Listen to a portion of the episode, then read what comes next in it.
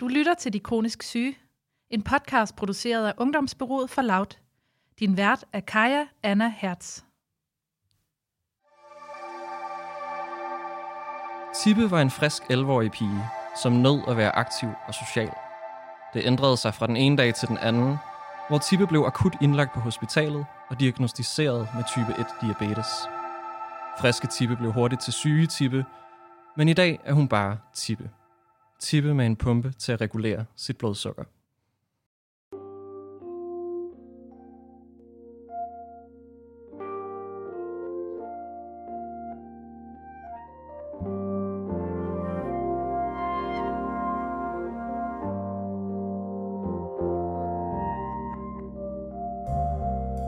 I De Kronisk Syge podcast møder vi forfatterne bag bogen af samme navn.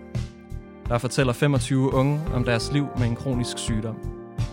Fortællingerne er varierede og detaljerige, og fælles for dem alle er at have en diagnose, en tilværelse og en kasse, som de er nødt til at forholde sig til.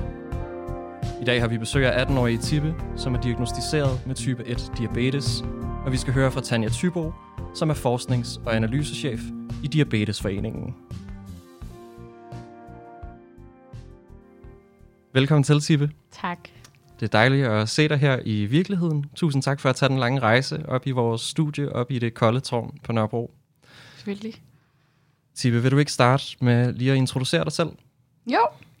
Jeg hedder Tippe, og jeg er 18 år og bor til dagligt i Skelskør, hvor jeg er i gang med at uddanne mig som tømmer. Og du er her jo i dag, fordi som de andre har været med til at skrive din historie i De Kronisk Syge. Mm.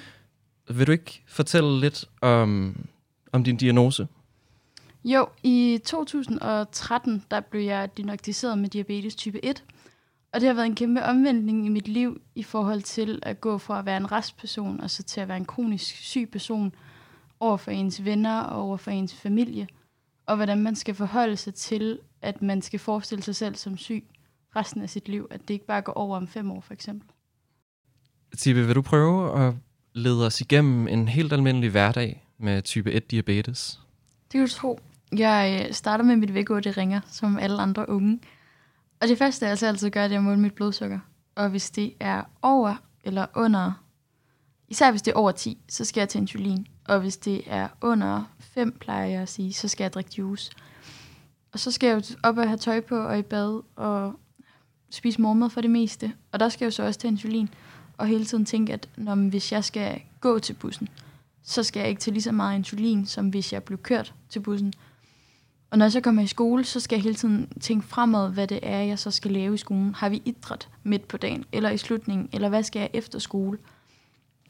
Og hver gang jeg spiser, skal jeg jo til insulin. Øhm, hvis jeg er høj, skal jeg til insulin. Hvis jeg er lav, skal jeg drikke juice. Så der er hele tiden tanker omkring, hvad sker, altså, hvad sker der om fem minutter? Øhm, så der er mange bekymringer, og der er mange ting, man skal tage højde for, i og med, at hver gang du gør det mindste, så skal du have det med i overvejelsen, har du juice med dig? Øhm, så den, der er mange bekymringer i løbet af en dag. Hvordan blev du diagnostiseret? Jamen, øh, i sommeren 2013 var jeg meget syg. Altså, jeg var slap og havde svært ved at fokusere lige pludselig. Øhm, og så en aften, der gik det hele ligesom bare galt, og der blev jeg indlagt øh, meget akut, hvor at vi så fandt ud af, at jeg havde diabetes. Hvordan, var der noget, der byggede op til det på nogen måde, eller kom det meget fra den ene dag til den anden? Altså, det kom jo stille og roligt, hvor jeg begyndte at tabe mig meget, og jeg blev mere træt og mindre sulten. Og så min tørst var helt ekstrem. Altså, jeg drak rigtig meget vand på en dag, men der var ikke nogen alarmklokker, der ligesom ringede og var sådan, det her, det fejler du. Det var ligesom bare influenza-symptomer, der bare fortsat i mange uger og måneder. Øhm, og så var det ligesom først, at mit, mine lunger og min vejrtrækning begyndte at blive rigtig skidt, at vi så ringede, og så blev indlagt meget akut med ambulance til den næste børneafdeling, for at øh, for ligesom at finde ud af, hvad det var, der fejlede, og hvad der gjorde, at jeg havde det, som jeg havde. Det lyder jo ikke lige frem. Det lyder skræmmende, Ja. må man sige. Hvordan affekterer det dig i dag, som du sidder her? Altså jeg vil sige, jeg får en klump i maven, når jeg ser en ambulance med blå blink. Det gør jeg. Det, jeg får et billede af mig selv, der ligger med slanger over det hele, og ambulancemænd, der skal holde øje med, at jeg har det okay. Men jeg tror også, det har været en øjenåbner for, at jeg tager min sygdom mere alvorligt, fordi jeg har været ude på toppen af isbjerget og kigget ned, altså i døden. Så det der med, at, at man så tidlig en alder har været så tæt på at kunne ligge på en kirkegård, gør også bare, at man virkelig vil væk fra den følelse, at man tager sin sygdom. lidt meget mere seriøst, at, at man ved, hvad der kan sidste ende ende med, hvis man ikke øh, regulerer det ordentligt. Det er også en meget ung alder, at jeg bliver konfronteret med sin egen dødelighed på den måde, som du jo fortæller om her. Ja, lige præcis. Ja. Jeg hedder Tanja Tybo, og jeg er chef for forskning og analyse i Diabetesforeningen. Diabetes type 1 er en øh, autoimmun sygdom, hvor øh, kroppens immunsystem angriber de celler, der producerer insulin. Øh, og insulin er det hormon, der hjælper øh, sukkeret fra blodbanen ind i cellerne og giver kroppen energi. Type 2 diabetes øh, er også en sygdom, som gør, at, øh, at man får for meget sukker i blodet, men det er ikke fordi, man ikke producerer insulin. Type 2 er typisk noget, der kommer med alderen, øh, og det er typisk, at produktionen af insulin den enten falder, eller også så øh, virker det insulin øh, ikke længere så godt i kroppen. Og det gør, at man har sådan en, en langsom udvikling af, af diabetes, øh, som er anderledes end type 1-diabetes. Men hvis, hvis man taler type 1-diabetes, så er symptomerne, at øh, man bliver utrolig tørstig. Man, man, man drikker rigtig, rigtig meget, øh, og så får man selvfølgelig tilsvarende øh, meget øh, hyppig vandladning. Øh, Øh, man er træt, man er uoplagt, øh, og er i det hele taget uden energi, og det går faktisk ret stærkt. Det er sådan noget, der, der typisk sker inden for få dage. Hvis man har type 1-diabetes, og man går rundt med et for højt blodsukker, så bliver man også ret utilpas. Øhm, og man kan også ende med at, øh, at få en syreforgiftning, men det er som regel noget, man opfanger, inden man bliver som regel ret god til at opfange det her, øh, den her utilpashed, man har i kroppen.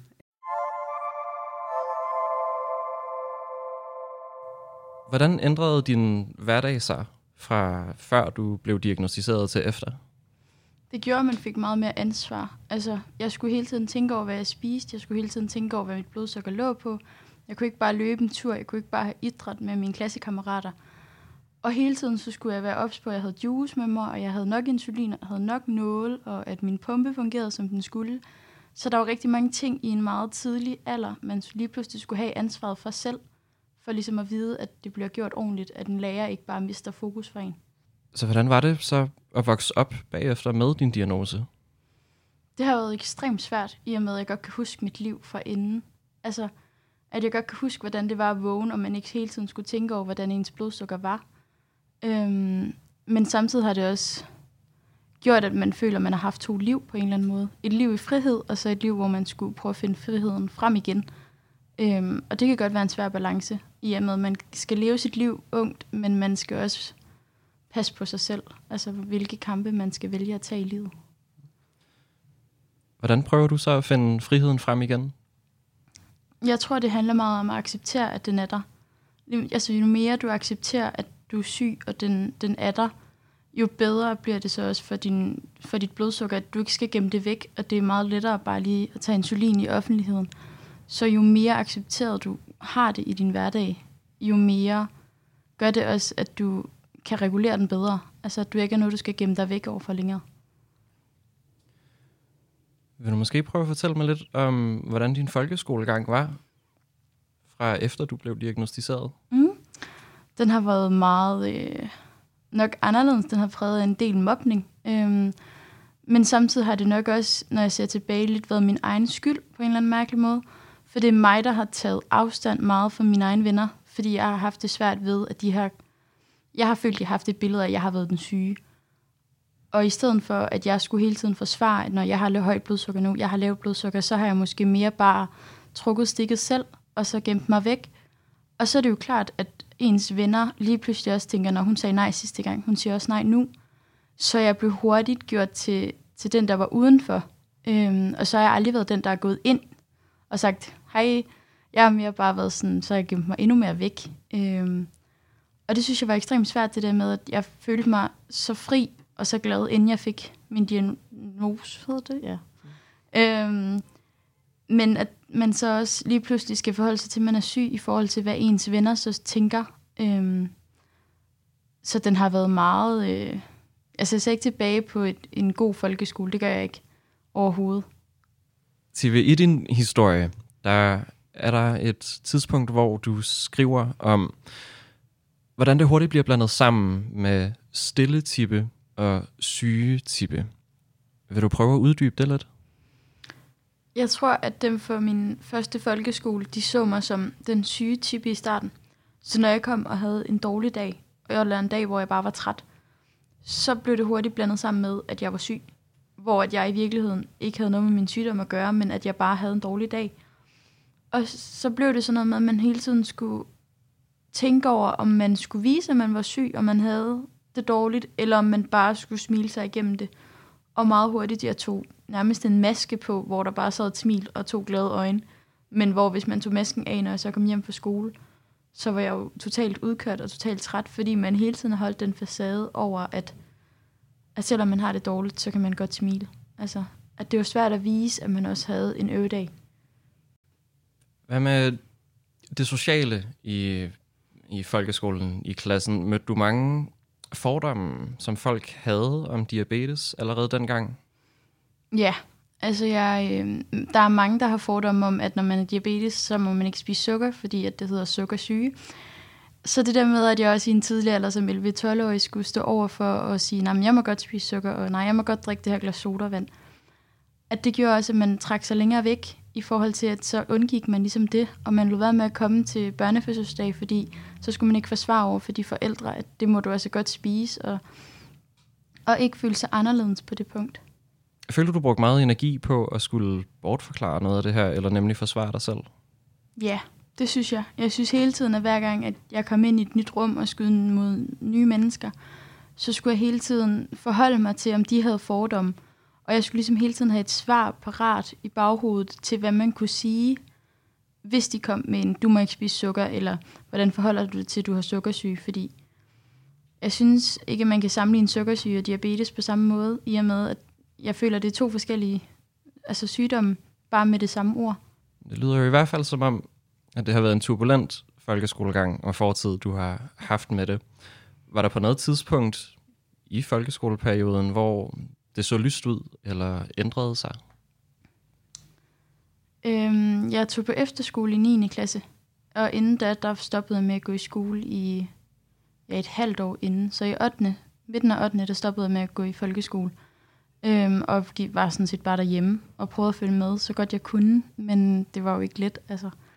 Og så tog jeg på efterskole, hvor jeg fik en, en helt ny start, øh, hvor ingen kendte mig, og ingen havde noget at skulle have sagt om, hvordan jeg var førhen. At jeg måske var den pige, der gemte mig væk, men hvor jeg kunne vise, hvem jeg var, og bare være den glade. Altså, ja. Være den glade type i stedet for den syge type. Lige præcis. præcis.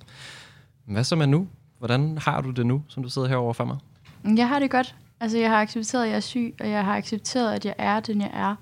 Og der er ikke noget, altså folk kan pille mig ned, hvis det er det, de har lyst til, men, men de kan bare komme an, fordi jeg har accepteret, at det er mig, der sidder her, og jeg er syg resten af mit liv, det er jeg, men, men det skal ikke have lov til at definere, hvilket liv jeg skal have. Altså, det skal være en lille del af mig. Det er jo en ret stor forandring fra, hvad vi lige har hørt om fortiden med, hvordan du trak dig tilbage. Hvordan kom du dertil, hvis du har nogle ord at sætte på det? Jamen, øh, jeg havde en ven på efterskolen, som øh, en dag sagde til mig, at han ikke kunne knytte sig til mig, fordi at jeg var ligesom en robot. Og den dag, det gjorde ligesom, at, at jeg for det første var sønderknust, fordi alle de tanker, jeg havde haft i så mange år, var ligesom blevet bekræftet af et andet menneske, som jeg virkelig stolede på. Men samtidig så har han også været grunden til, at jeg har accepteret det, fordi jeg ligesom fandt ud af, at det skulle ikke have lov til at sætte en stopper for mig. Altså, hvis han ikke kunne knytte et forhold til mig og blive venner med mig, så må han bare lade være med at være venner med mig. Altså, fordi folk kan godt kalde mig en robot, hvis de får det bedre med det, men det gør jo ligesom, at jeg, altså, at jeg bliver holdt i live. Så den er jo vigtig for mig, altså den er jo livsnødvendig.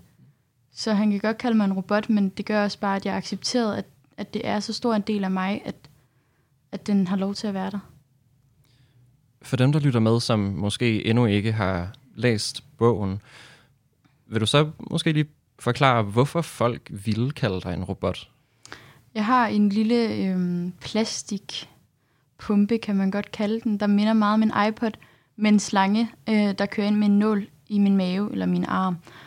Øh, og den slange, den stikker nogle gange ud, så det kan godt ligne en robot på nogle punkter. Øh, og den kan også sige lyde, hvis mit blodsukker er for højt eller for lavt, eller den mangler insulin, eller batteri, eller noget. At dem kan jeg jo ikke selv være herre over, hvornår de alarmer de kommer. De kan komme om fem minutter, de kan komme om fem timer. Det, det, det kan man ikke vide. Så på den måde, så kan det godt minde om en robot, fordi det er det selv tænkt, men nu er det bare blevet en del af, at den bare er der.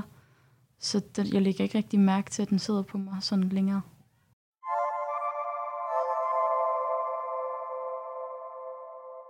Jamen, type 1-diabetes, det behandler man med insulin. Hvis man har fået konstateret type 1-diabetes, så skal man have insulin øh, hver dag, flere gange om dagen, øh, resten af livet. Øh, og det gør, at man så kan have et ret normalt liv øh, med sin type 1-diabetes. Man skal selvfølgelig huske at tage sin insulin, men hvis man lærer at huske øh, at gøre det på den rigtige måde, så kan man have et, øh, et ret normalt liv.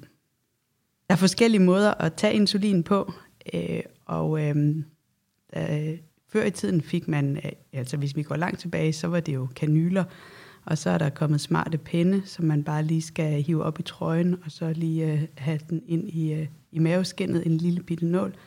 Men der er de seneste år også udviklet insulinpumper, og det er faktisk sådan i dag, at alle under 18 år, der får konstateret type 1-diabetes, øh, de får tilbudt en insulinpumpe, som så sidder øh, fast på kroppen, og som hele tiden giver en lille bitte dosis af insulin, og det gør, at ens blodsukker det bliver reguleret meget bedre. Altså pumpen kører, men man skal selvfølgelig, øh, der hvor øh, pumpen sidder ind under huden, det skal man skifte det sted et gang imellem, øh, så, så man øh, det er omkring hver 14. dag, afhængig af hvilken type pumpe du har.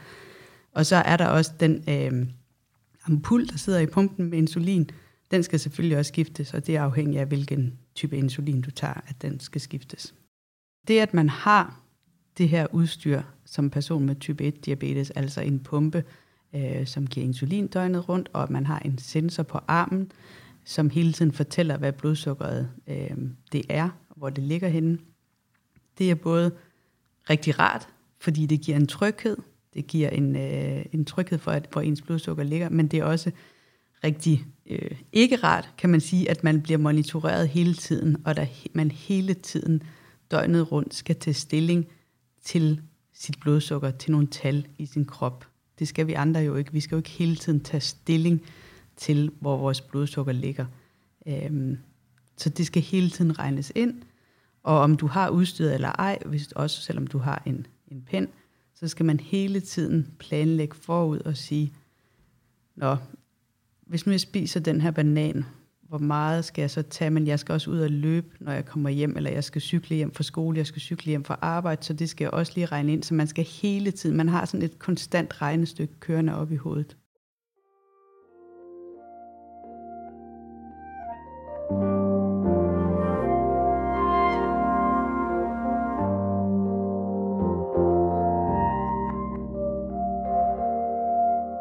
Det specifikt din pumpe, som du mødte meget ja, social modstand på, kan man sige? Mm, det har jeg nok selv følt, i og med, at jeg selv havde svært ved at acceptere, at jeg ligesom skulle have en, en fremmed ting på min krop 24-7. At jeg kunne ikke bare koble den af, hvis det var det, jeg ville, og at noget tøj sad anderledes, fordi at man havde den på sig. Øhm, men folk har det også med at udpege det, der ikke passer ind i samfundet. Altså, hvis folk har en bums i panden, så siger de, ej, du har godt nok en stor bums i panden. Så det samme med, at hvis jeg kommer ind i et rum med folk, jeg ikke kender, så råber de, nå, hvad er det? Og sådan, det kan nogle gange godt være overvældende at skulle forklare over for fremmede mennesker, man slet ikke har nogen anelse om, hvem er, hvorfor man har den, og hvorfor man er syg også. Helt klart, jeg kunne godt forestille mig, ja, med det her, det her normativitet, som du nemlig snakker om, at der er mange, der føler, at de har ret til at kommentere på det, fordi det stikker ud fra normen. Og det må præcis. være trættende at gå igennem. Ja, en lille smule. så vi har hørt meget om ja, dem, der har givet dig modstand i tiden. Men for at komme her til, hvor du er i dag, har du haft nogen med på vejen, der hjalp dig der? Jeg har altid haft min familie. Især mine forældre og så min øh, mormor og morfar. For de har også altid set mig som, som type med nogle ekstra udfordringer. De har aldrig set mig som en syg person. Så jeg har altid 100% kunne være mig selv, og ikke skulle skamme mig over, at jeg var høj, eller jeg var lav, og jeg måske havde det lidt dårligt den ene dag, og ikke den anden dag. Så det der med, at man havde nogen, der forstod en, det har været ekstremt vigtigt, at de også, selvom de ikke selv er syge, og kan sætte sig ind i, hvordan det er, men at de prøver at acceptere, at, at det er, som det er. Hvad så med i dag med hensyn til de her fordomme? Nu hører jeg jo, at der er stadigvæk også kunne være fremmede, der godt kan finde på at kommentere det, men møder du stadigvæk andre fordomme og skal bruge den samme energi på det, som du gjorde engang? Altså, jeg bruger ikke samme energi på det længere, men jeg møder stadig de samme fordomme, i og med, at man siger, at diabetes er ligesom sukkersyge, og man får sukkersyge, fordi man spiser for meget sukker. Men det påvirker mig ikke længere, fordi jeg ligesom selv er afklaret med, at det hedder diabetes type 1, og det er ikke, fordi jeg har spist for meget sukker, jeg har fået det. Altså, man kender jo ikke årsagen til, at man bliver syg med den sygdom. Så det gør også bare, at man måske er mere afklaret med, når de kommer, så man bare sådan, når jeg videre i teksten, ikke? At, at man bliver ikke påvirket af det længere, og man ligger ikke og tænker over det, når man skal sove, at, at de har de ting at sige. Det lyder også meget som om, at sygetippe, som hun var dengang, jo trak så meget tilbage fra mange af de her sociale ting, der øh, foregik omkring dig. Hvordan er det nu? Hvordan er dit sociale liv og dit samvær med familie og venner? Det er blevet meget bedre. Men jeg er også blevet ekstremt god til at navigere i, hvilke venner jeg vil give opmærksomhed, og hvem jeg gerne vil være der for. For det nytter ikke noget, jeg giver energi til nogle venner, som ikke vil mig, og ikke kan acceptere, at jeg nogle gange er syg. For det, det kan jeg jo ikke komme udenom. Der er nogle øvedage. Men at de har forståelse for, at man måske bliver nødt til at aflyse en time før, det gør altså, at det bliver meget lettere at være sammen med ens venner, hvis de 100% er afklaret med, at, at selvom jeg er tippe 90% af tiden, så er der også 10%, hvor jeg er syg, selvom folk ikke kan se det udefra. Ja, det er jo nemlig det, som vi hører meget om af alle dem, der har øh, været med til at skrive i De Kronisk Syge. Den her idé om at være usynligt syg. Føler du nogle gange, at folk behandler dig anderledes end andre syge personer, fordi at din sygdom ikke er direkte synlig? Mm, både og. Jeg tror, folk har svært ved at forholde sig til, at man ikke kan se, at jeg er syg. Så hvis jeg kommer og siger, at jeg har det dårligt, jeg har højt blodsukker, så ved folk ikke, hvad de skal forholde sig til i forhold til, hvis man sagde, at, at jeg havde kvalm på grund af, at jeg havde fået kemo for eksempel. Så havde nogle flere mennesker forståelse for, at man får det dårligt af kemo. Men det er de færreste, der ved, at man også kan få det dårligt af et højt blodsukker. Så på den måde, så bliver det meget sværere at forklare over for folk, og så er de sådan, kan du så ikke bare drikke noget juice? Men det gør jo bare, at man bliver endnu mere høj. Altså, så det er nogle gange hårdt, især når man så også har det dårligt, at man så også skal forklare over for fremmede, at jeg bliver så nødt til at tage hjem fra skolen nu, agtigt. Og der er det jo så vigtigt, at du ikke bare sidder her i dag og fortæller os alt det her, men også havde din historie med i De Kronisk Syge. Nemlig for, at ja, folk kan få et bedre indblik i ja, det her med en usynlig sygdom, og hvordan man skal passe på med sine fordomme over for folk. Ja. Du nævnte det selv tidligere, da vi stod øh, nedenunder, at nogle af dine venner også havde sagt, at det virkede som et fedt projekt, som de også skulle læse, for nemlig at få et større indblik i det her. Føler du, at din omgangskreds, i hvert fald dine venner, din familie har jo været med lidt på rejsen, men føler du, at din familie og venner sådan forstår din sygdom? Nogle af dem gør. De tætteste, dem der har set mig være nede og ramme bunden, øhm, de har helt klart en forståelse for, hvor skidt jeg kan have det. Øhm, jeg tror, jeg er rigtig god til at sætte en facade op og bare smile mig igennem, at jeg har det dårligt. Øhm, og det er også svært, at man skal ligesom finde balancen i at være glad, men samtidig også være syg. For det er svært at vise over for ens klassekammerater, man kan gå fra at være den smilende og bruge virkelig mange kræfter på det, og så gå over til lærerne og sige, at jeg bliver simpelthen nødt til at tage hjem nu, jeg har det så skidt. Fordi så tror jeg ligesom bare, at man pjekker for undervisning, fordi man ikke gider mere. Men i virkeligheden, så prøver man bare at være den glade over for dem, så de ikke skal bruge ressourcer på at tænke, om jeg er okay. Øhm, det kan være ekstremt svært.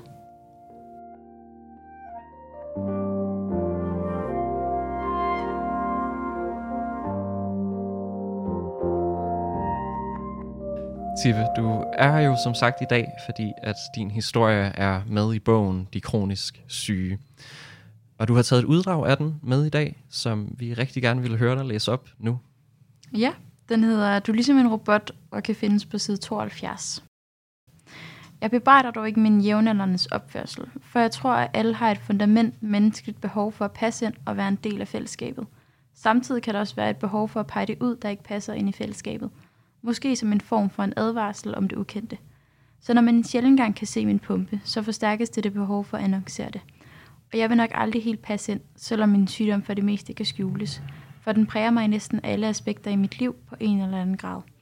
Forskellen er bare, at jeg ikke skammer over det i dag. Jeg løber ikke mere ud på toilettet for at regulere min insulin.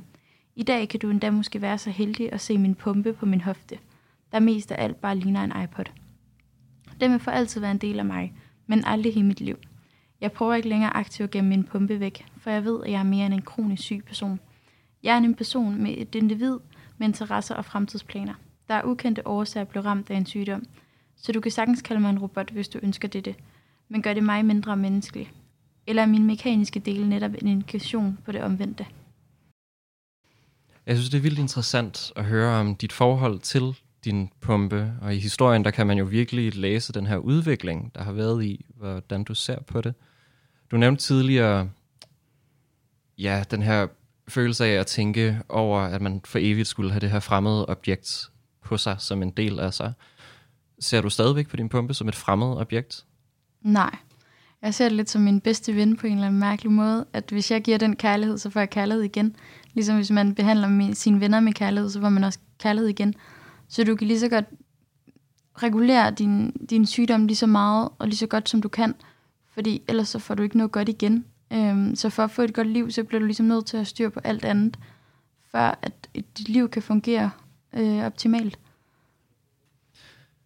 I det stykke, du læste op, der siger du, at du er mere end en kronisk syg person, øh, men du er en person med interesser og fremtidsplaner. Hvad er de fremtidsplaner, du har? Og føler du, at du skal tænke din diagnose ind i dem, når du planlægger for fremtiden? Altså på en eller anden måde, så skal jeg jo tænke min, min sygdom ind på et eller andet sæt vis, men på den anden side, så skal jeg også... Altså det skal ikke være en stopklods for mig, for jeg skal altså kunne finde en løsning på, hvordan at jeg skal kunne, kunne komme videre med mit liv. Altså hvis jeg vil løbe et maraton, så kan jeg godt det. Det kræver bare bedre forberedelse end, end folk, der ikke har diabetes. Så er du meget aktiv nu? Sporty? Sporty type? Mm, inden corona lukkede ned, der, øh, der kunne jeg godt lide at være et træningscenter. For det gav mig en form for frihed, at, at man kunne presse sin krop på en helt anderledes måde, end bare at løbe en tur. Øhm, og det gør også, at selvfølgelig så skulle man regulere sit blodsukker, så man kunne træne. Altså, det skal man. Men hvis man så havde en virkelig god træning, så følte man også bare, at man kunne det hele. Altså, at, at det skulle ikke være en stopklods for, at, at mit liv skulle kunne fungere ligesom alle andre unge. Var du også det før din diagnose? Du siger jo, du kan huske ja, frihedstiden. Jeg tror, det var lettere dengang, at, at man ikke skulle planlægge at løbe en tur eller cykle en tur. Øhm, jeg cyklede meget, da jeg var lille, for der var, ikke, altså, der var ikke noget, du skulle tænke over. Du kunne bare sætte dig op på cyklen og så cykle ud i verden. Altså, hvor nu, så skal du hele tiden huske, om du har insulin med, om du har juice med, hvis du får lavt blodsukker. Du skal hele tiden tænke det ind, øhm, og hele tiden have det i baghovedet, i forhold til, da jeg ikke var syg. Det lyder jo egentlig som om, at du lever rimelig stærkt med det, og det virker jo ikke som om, at type 1-diabetes, som du fortæller om det, gør det specielt nemt at være stærk på den måde, som du er. Er der noget, der ja, driver dig mere til det end andet? Jeg tror bare, jeg gerne vil bevise, især over for mig selv, at, at selvom man er syg, så alle de fordomme, jeg er blevet kastet i hovedet i snart 8 år, at dem skal jeg ligesom bevise, at selvom man er syg, så kan man godt altså, udføre de drømme, man har i livet, og det skal ikke være en stopklods. Og så må man ligesom bare, hvis A-vejen ikke virker, så må man gå B-vejen. Altså, der må være en løsning på at udleve sine drømme. Og det er jo smukt sagt. Du nævnte tidligere, hvordan det var at opleve sin dødelighed i så tidlig en alder, og hvordan det lidt har ja, formet dit blik nu. Tror du, det har... Hvordan føler du, at det ligesom har affekteret, hvordan det er at være så ung, og have sådan et greb på sin dødelighed, som andre i sin øh, generation og omgangskreds måske ikke har? Er det noget, du mærker? Nej, ikke på sæt og vis. Altså, det gør nok bare, at jeg tager mit liv meget seriøst. Altså, sådan, hvis folk de begynder at snakke om selvmord, jeg kan slet ikke have det. Fordi at, at selvom man også har det hårdt psykisk, så mener jeg bare, at der må være en vej, den anden vej. Altså, at det gør da godt være, at det tager mange år, før man er ovenpå igen, men der er en vej. Altså, der er ikke en vej ud. Altså, det er så hurtigt at, at slutte et liv, men, men det er jo bare ikke... Jeg føler, det er så ærgerligt, at folk de taler om selvmord på sådan en let måde, at når vi hopper bare ud foran toget, som, som nogle unge godt kan tale om det, fordi at for mig, så har jeg prøvet at ligge næsten på randen til at være død. Altså, at jeg føler ikke, at de har den samme respekt over for livet, som, som jeg har haft. Eller har. Helt klart. Så det vil også sige, at du heller ikke går og smugryger bag ja, laden derhjemme? Nej, dog ikke. dog ikke. Tibbe, hvad vil du sige er det værste ved at have din diagnose, din sygdom? Mm, det er nok alle de bekymringer, der er altså, med den, at, at jeg hele tiden skal tænke frem, at jeg ikke på samme måde kan planlægge min, min uge, som mine andre venner kan. Jeg kan ikke love, at onsdag aften, der kan jeg være sammen, fordi jeg ved ikke, hvad der sker onsdag eftermiddag. Jeg kan ikke love, at jeg kan være der på det bestemte tidspunkt, fordi jeg ved ikke, om jeg har for lavt blodsukker til at køre bil, så jeg kan komme frem. Altså, der er hele tiden tanker og bekymringer, man skal forholde sig til, som folk ikke kender til. Altså, de ser mig jo bare som den glade type. Men de ser ikke bagsiden af medaljen.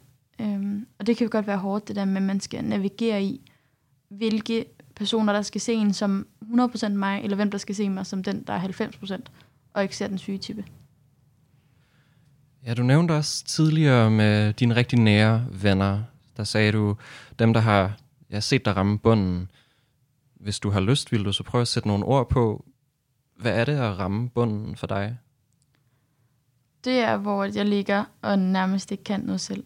Altså, hvor jeg er på randen til at blive indlagt. Øhm, især min, min rigtig søde roomie fra efterskolen så mig, øhm, jeg vil sige fra min værste side af, hvor at, at jeg lå kastet op, og jeg lå bare, jeg kiggede i luften, fordi at min krop var så hvad hedder sådan, træt og udmattet.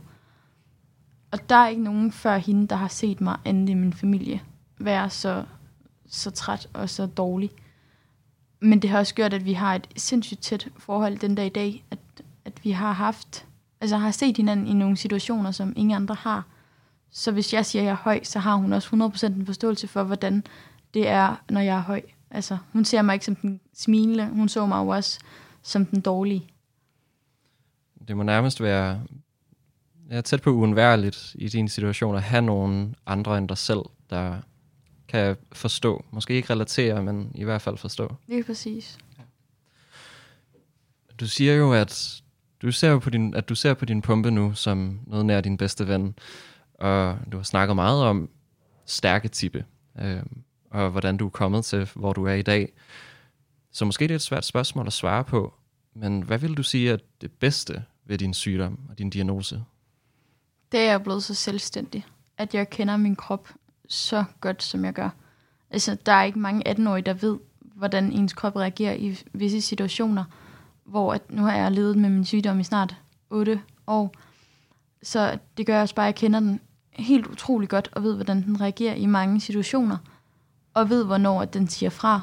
Altså, man, man allerede nu er så sikker på, hvornår man skal sige fra, og hvornår man godt kan tage en kamp op. Og du er jo kommet ret langt, må man virkelig sige. I hvilken alder var det, du blev diagnostiseret igen? Jeg var 11, da jeg fik det. 11 år gammel. Ja.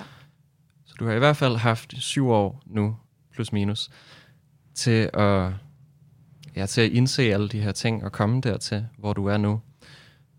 Vil, har du et råd, du vil kunne give andre unge, der står i din situation med en kronisk sygdom, som måske lige er blevet diagnostiseret, eller enten med diabetes eller bare generelt? Det er 100% at acceptere det. Altså for den dag, jeg accepterede, at jeg var syg, og jeg havde diabetes, det gjorde også, at jeg var meget mere glad, og jeg var meget mere åben over for fremmede mennesker, fordi jeg vidste, at det var en del af mig, og folk, der ikke kunne acceptere, at jeg var syg, de skulle heller ikke være en del af mig. Så lige så snart, at man accepterer sin sygdom, og man accepterer sin pumpe, så får man det så meget lettere, end, end hvis man ikke gør. Føler du, at du har overvundet noget ved at være her, hvor du er i dag? Jeg tror, jeg har vist over for ekstremt mange fra min gamle folkeskole, at der ikke har troet, jeg ville blive sådan noget, fordi jeg var så stille. At man kan godt vende, altså man kan godt finde ud af, hvordan man skal finde sin egen vej her i livet. Og jeg føler, at jeg er meget godt på vej i den rigtige retning, i forhold til, hvordan jeg var for 4-5 år siden. Og det er ekstremt fedt at se, at, at det går den rigtige vej nu. Så ikke overvundet, men bevist. Ja. Præcis. Også en meget vigtig ting at gøre. Jeg håber, de gamle fra folkeskolen, de lytter med. Ja, det gør jeg faktisk også. Jamen, Tippe, det har været skønt at snakke med dig. I lige måde. Vi har været vidt omkring, mm. Mhm. må man sige. Vi har været forbi folkeskolen om opning til udviklingen fra syge tippe til stærke tippe. Og tusind tak, fordi du kom og ville være med til at sætte ord på, hvordan det er at være med en kronisk sygdom, og hvordan det er både at være syge tippe, og hvordan det er at være stærke tippe. Ja, tak fordi jeg måtte være med. Tusind tak.